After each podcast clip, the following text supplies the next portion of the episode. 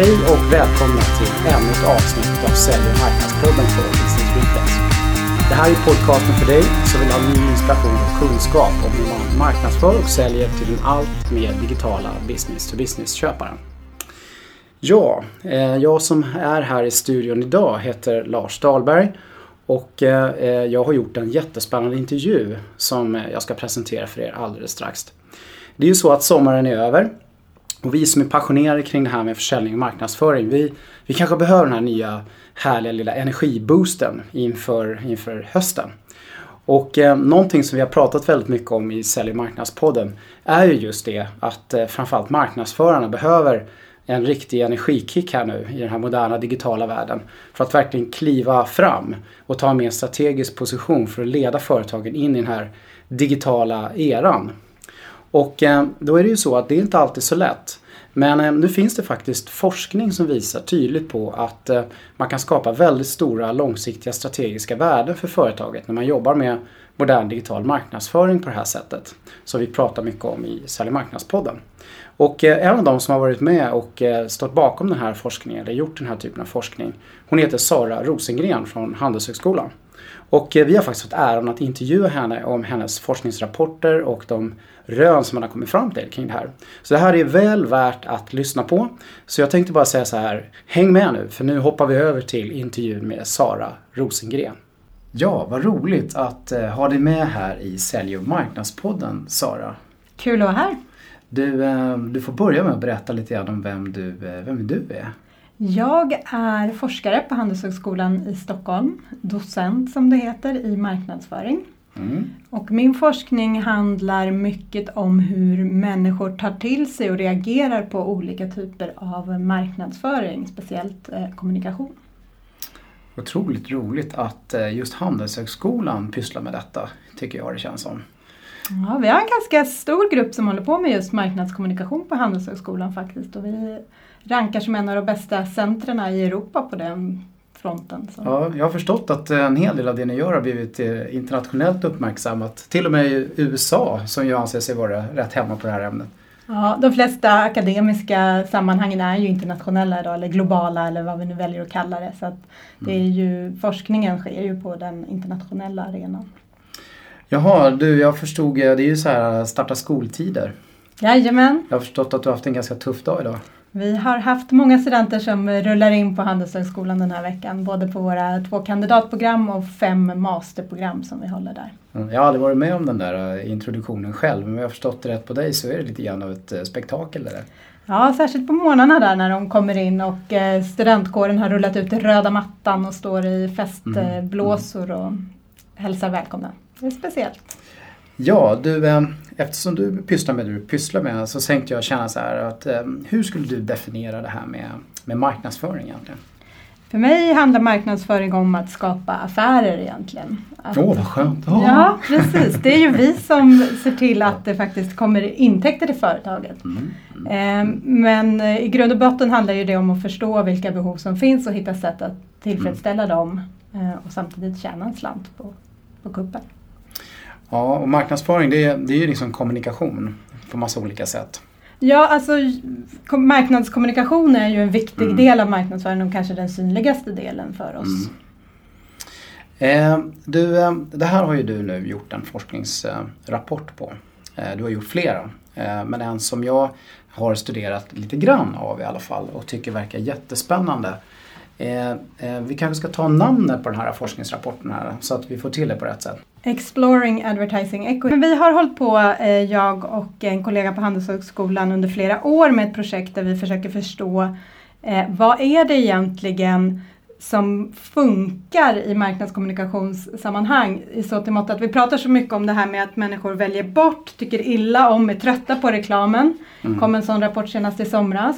Mm. Eh, och vi marknadsförare pratar om att det är så svårt det här med marknadsföring med tanke på att det är så mycket konkurrens och det folk mm. har annat att ägna sin uppmärksamhet. Samtidigt finns det ju de här exemplen på marknadsföring och marknadskommunikation som människor bara älskar. Mm, eh, tycker väldigt mycket om att lägga tid på. Ja. Och det vi ville göra i den här forskningen, det här forskningsprojektet var att försöka förstå vad är det för någonting som gör att det blir så. Och har det bara med varumärket att göra eller är det kanske något värde som skapas även i kommunikationen som gör att det blir så? Precis. För det är ju rätt, rätt intressant det här att viss marknadsföring är vi liksom helt ointresserade av och andra grejer tycker vi är superhärliga och, liksom och vill ta del av bara, bara mer och mer.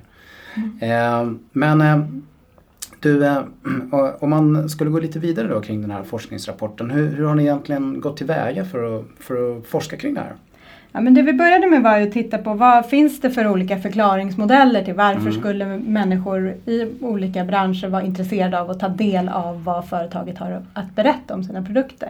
Mm. Där kan man väl säga att eh, eh, finns inte sådär jättemycket spännande svar på det utan marknadskommunikation har varit väldigt mycket fokuserad mm. på vad har vi för målsättningar i företaget och hur ska vi eh, nå ut och se till att människor hör och ser vad vi har att erbjuda på något sätt. Eh, mm. lite motsatsen till det här vi började med vad marknadsföring är. Det handlar om att förstå behov, det handlar om att mm. tillfredsställa de behoven. I kommunikationen har det varit mer inifrån och ut. Precis. Så det vi vill göra var då att titta på, går det på något sätt att ta fasta på det här mervärdet som vi ändå vet att en del företag lyckas leverera på, de som gör den här reklamen som alla tycker om. Mm.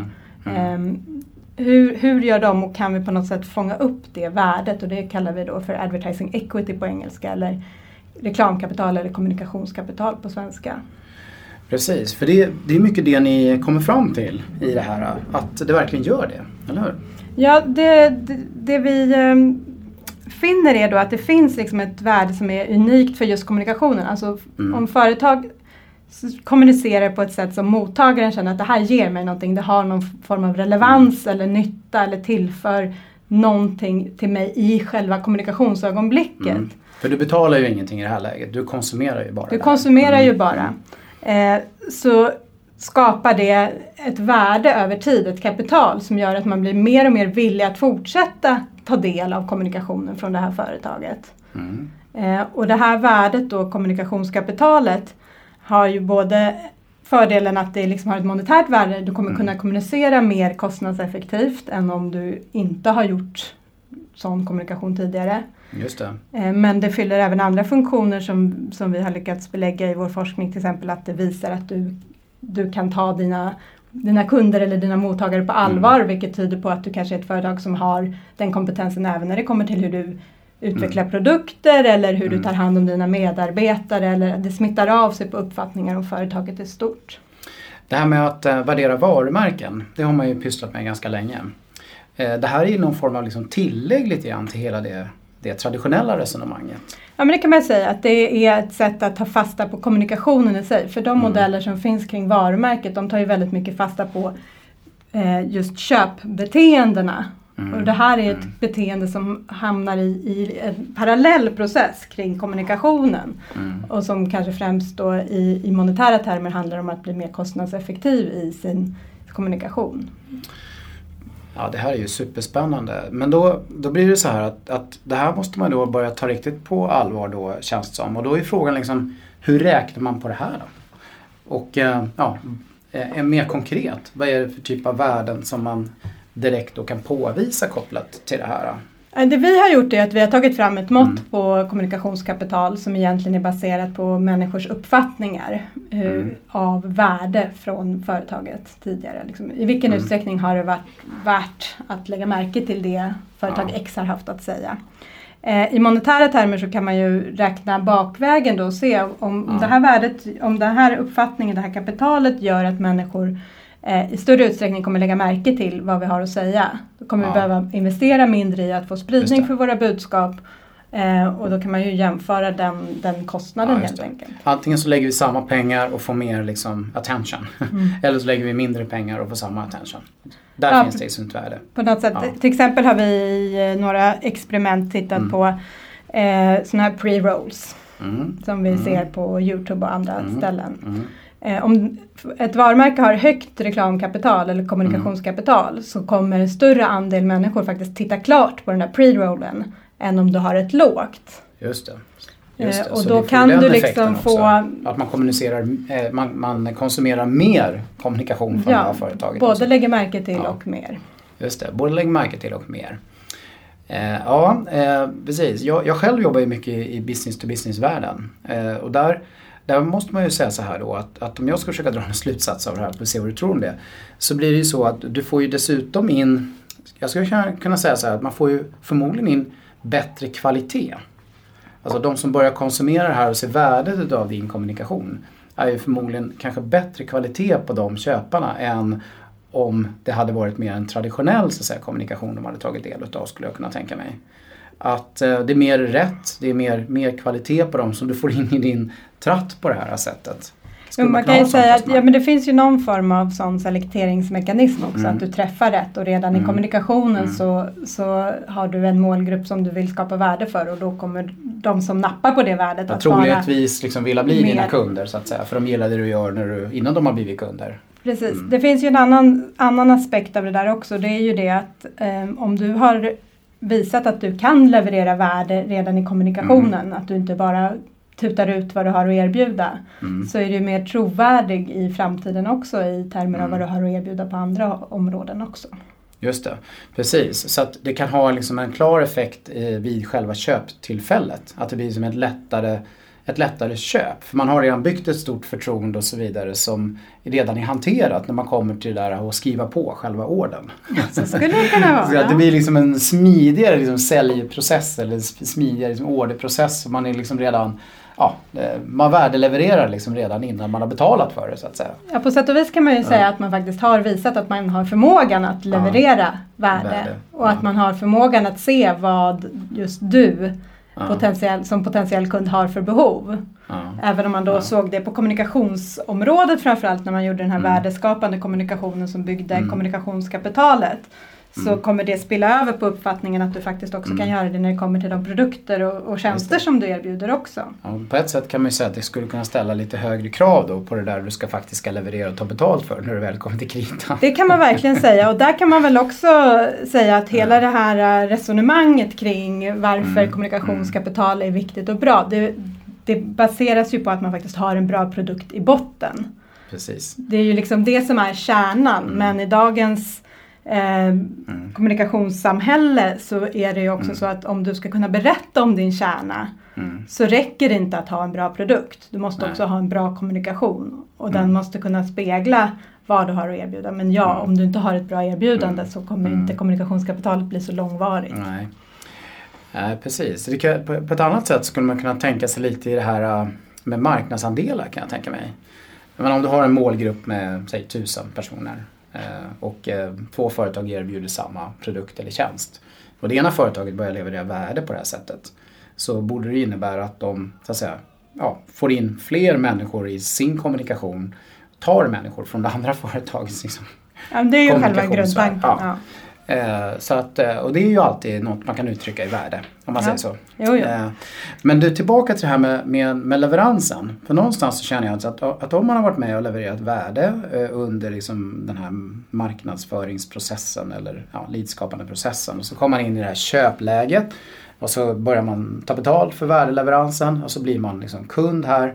Och har man gjort det här rätt hela vägen, blir, blir man inte mer värd som kund då också? Att man stannar längre kvar med det här företaget, kanske börjar prata liksom med andra människor lättare om det här bolaget och, och så. Jag tror du man kan något sånt? Tror det kan man väl hoppas på i alla fall. Vi har inte tittat på just det. det Men däremot så har vi tittat på eh, mm. det här att, att vilja dela med mm. sig och det tycker jag det är väl det mest intressanta med hela den här idén kring att skapa eh, content eller vad man nu vill använda för ord som, som är mm. relevant och har ett mottagarvärde. Det är ju att mm. i, i och med att man gör det så ja, folk kommer bli mer villiga att liksom, ta del av, av mm. framtida mm. content.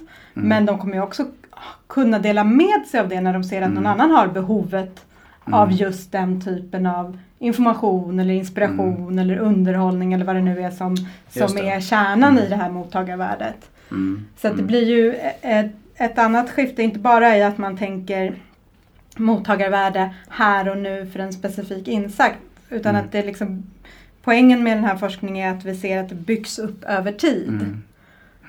Och det här kan liksom utvecklas på lite olika mm. sätt. Men om man, om man glömmer bort att kommunikationen faktiskt kan ha ett värde över tid så riskerar man att mm. underinvestera i innehåll och överinvestera kanske i medier och i räckvidd. För man måste kompensera lite då med att nå ut brett på det sättet? Ja, för jag, jag, tror jag, jag, jag träffar ju mycket marknadsförare, jag träffar ju många liksom, VD och försäljningschefer också. Och de, de börjar väl liksom förstå någonstans att den här köparen har förändrat sig väldigt mycket och man måste in, så investera in i ett nytt sätt att jobba med marknadsföring och så. Men, men man har nog många gånger liksom svårt att rättfärdiga så att säga att göra det här liksom, och, och liksom göra det här ännu mer till en viktig strategi. Så jag tycker att hela det här resonemanget som du för här nu och, det ni har kommit fram till i den här forskningsrapporten tror jag är otroligt värdefullt för många marknadsförare som ser det här och liksom kunna argumentera för varför det här är bra. Ja. Att det faktiskt är värdeskapande. Och det var det som också var vår poäng att skapa mm. ett, ett mått på det mm. här då. Så vi mm. har i de här materialen som du också kommer kunna mm. dela med dig av ett, ett exempel på hur man faktiskt kan mäta över tid utvecklingen i sitt kommunikationskapital. Och när man börjar göra det då blir det ju lättare att se både effekterna och och också hur man ska mm. göra, alltså hur man, vad är det för knappar vi ska trycka på eller för skruvar vi ska vrida på för att skapa ett bra mottagarvärde för våra olika målgrupper. För det är det ledningen kommer med och säger så här, ja visst du får jättegärna investera och satsa på det här, vi tror på det liksom, men du måste kunna påvisa att det här levererar något, något värde, något större värde än tidigare. Genom att göra mera affärer mm. eller ja, någonstans. Och då, då har man nästan, börjar man få den möjligheten att kunna liksom säga det. Ja, visst, om vi gör det här och, och, vi mäter på det här sättet så kommer vi kunna påvisa det på det här viset. Mm, precis, man har ju mm. liksom tappat lite fokus på kommunikationsprocessen i mm. de mått som man ofta använder och i och med att de handlar mer om varumärke eller försäljning där mm. det finns så många andra saker som också spelar mm. in så måste man liksom komplettera med ett mått på just kommunikationen för att kunna följa det här och för att kunna mm. se det värde som skapas. Oh, man, jag kan känna så skönt, äntligen! Jättebra! Härligt Sara, Handelshögskolan. Jättebra. Du, eh, jag, jag har, nu har jag dig här från den eh, lite mer akademiska världen. Så jag tänkte du, jag skulle vilja höra, vad tycker du om den här, vad tror du om den här marknadsföringsutvecklingen egentligen? Det, det går ju himla fort, men vad tror du kommer hända lite bakom hörnet? Har du några tankar? Vad jag har för tankar? Ja, men det jag framförallt tror jag att vi kommer behöva bli bättre på att sålla. Så det händer ju väldigt mycket och tekniken mm. går framåt. Men, men vi kanske är lite för mycket fokuserade på just det taktiska och utvecklingen där. Mm. Att vi liksom behöver kunna lyfta blicken och fortsätta mm. jobba utifrån vad har vi för målsättningar, vad är viktigt och sen då välja Mm. Hur vi tar ut det i de olika kanalerna och följer utvecklingen men mm. med utgångspunkt i någon form av intention mm. eller målsättning snarare mm. än i den här drivkraften att nu måste vi ju vara där också eller nu måste vi testa det här med. Mm. Ja, men jag håller med dig. Jag tror att det vore jättekul om trenden gick åt det hållet. jag tror det måste göra det. Ja, kanske blir men så. det är väl det är en utmaning såklart för ja. det händer mycket hela tiden. Du, ehm, eh, du jobbar ju mycket med både B2B och B2C. Verkligen nästan varit mer fokus på B2C kanske. Men jag är jättenyfiken på att höra vad du tror om det. Det här med B2B och B2C. Det, det är den här ständiga diskussionen, det här med skillnaderna mellan det här. Hur är det med det egentligen? Ja men där tror väl jag att precis som på, mm. på många andra områden så går vi mot att gränsdragningen blir mindre och mindre tydlig. Mm. Mm. I kommunikationsområdet där jag har liksom spenderat mycket tid i min forskning så ser man ju att de här olika gränsdragningarna mellan vad är reklam eller marknadskommunikation och vad är PR och vad är mm. någon form av strategisk mm. kommunikation, intern kommunikation. De gränserna håller på att suddas ut och jag tror också det innebär att det kommer bli andra gränser även för det här med B2B mm. och B2C. För oavsett vilket så är det ju en människa som finns där och ska bli eh, ja. intresserad och, och har andra saker att göra som mm. gör att det ställer högre krav mm. i kommunikationen på relevans. Mm. Eh, och det finns väldigt mycket som, som förenar dem snarare än separerar de två. Jag tror någonting som man brukar komma in på det är att när man pratar B2C då, då är ju det här värdeskapandet mycket kopplat till att det blir någon form av underhållningsvärde.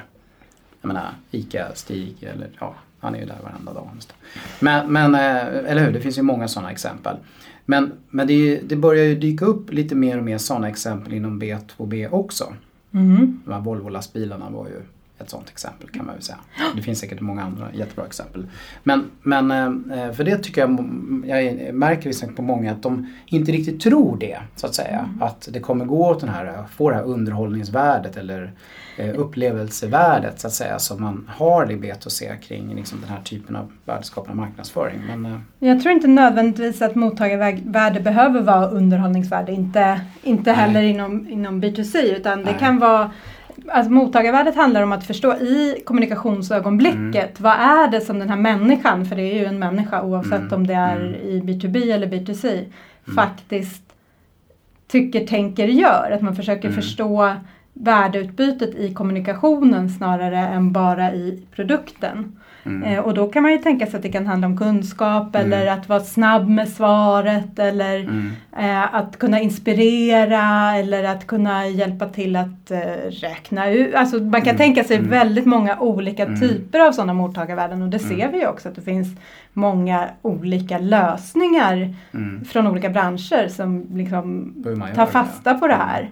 Mm. Jag tycker det är ganska spännande att titta på också sådana här stora amerikanska företag som IBM och um, General mm. Electric som investerar väldigt mycket mm. digitalt uh, i B2B-marknader. Mm. Men som gör det med ett väldigt så här, ja det är här underhållande och spännande men det bottnar ju i någon form av ingenjörskunnande mm. och någonting som de vet att deras kunder mm. industriella kunder är intresserade av och man kan lyfta fram de mm. intressena på ett annat sätt än det traditionella. Jag kan tycka så här, många gånger pratas det om att de här mindre företagen har hunnit väldigt långt. De här nya startup-företagen och så vidare i den här digitala världen. Men nu tar du upp de här två exemplen med IBM och General Electric. Jag känner till dem ganska väl själv också. Jag tycker också det är ganska fascinerande att så pass stora globala företag faktiskt har kommit så pass långt i hur man tänker modernt kring det här. Mm. Det, det tycker jag är häftigt. Ja, det, är inte kul. riktigt det man tror alltid. De brukar ju inte vara så snabba på det. Mm. Nej, det är spännande att följa. Ja, Men de har ju en medveten strategi som går ut på det här också. Att om vi är lite nytänkande mm. och intelligenta i sättet vi kommunicerar mm så visar ju det att vi är mm. lite nytänkande och intelligenta även på andra områden mm. som är betydligt svårare att lyfta i någon form av marknadsföring.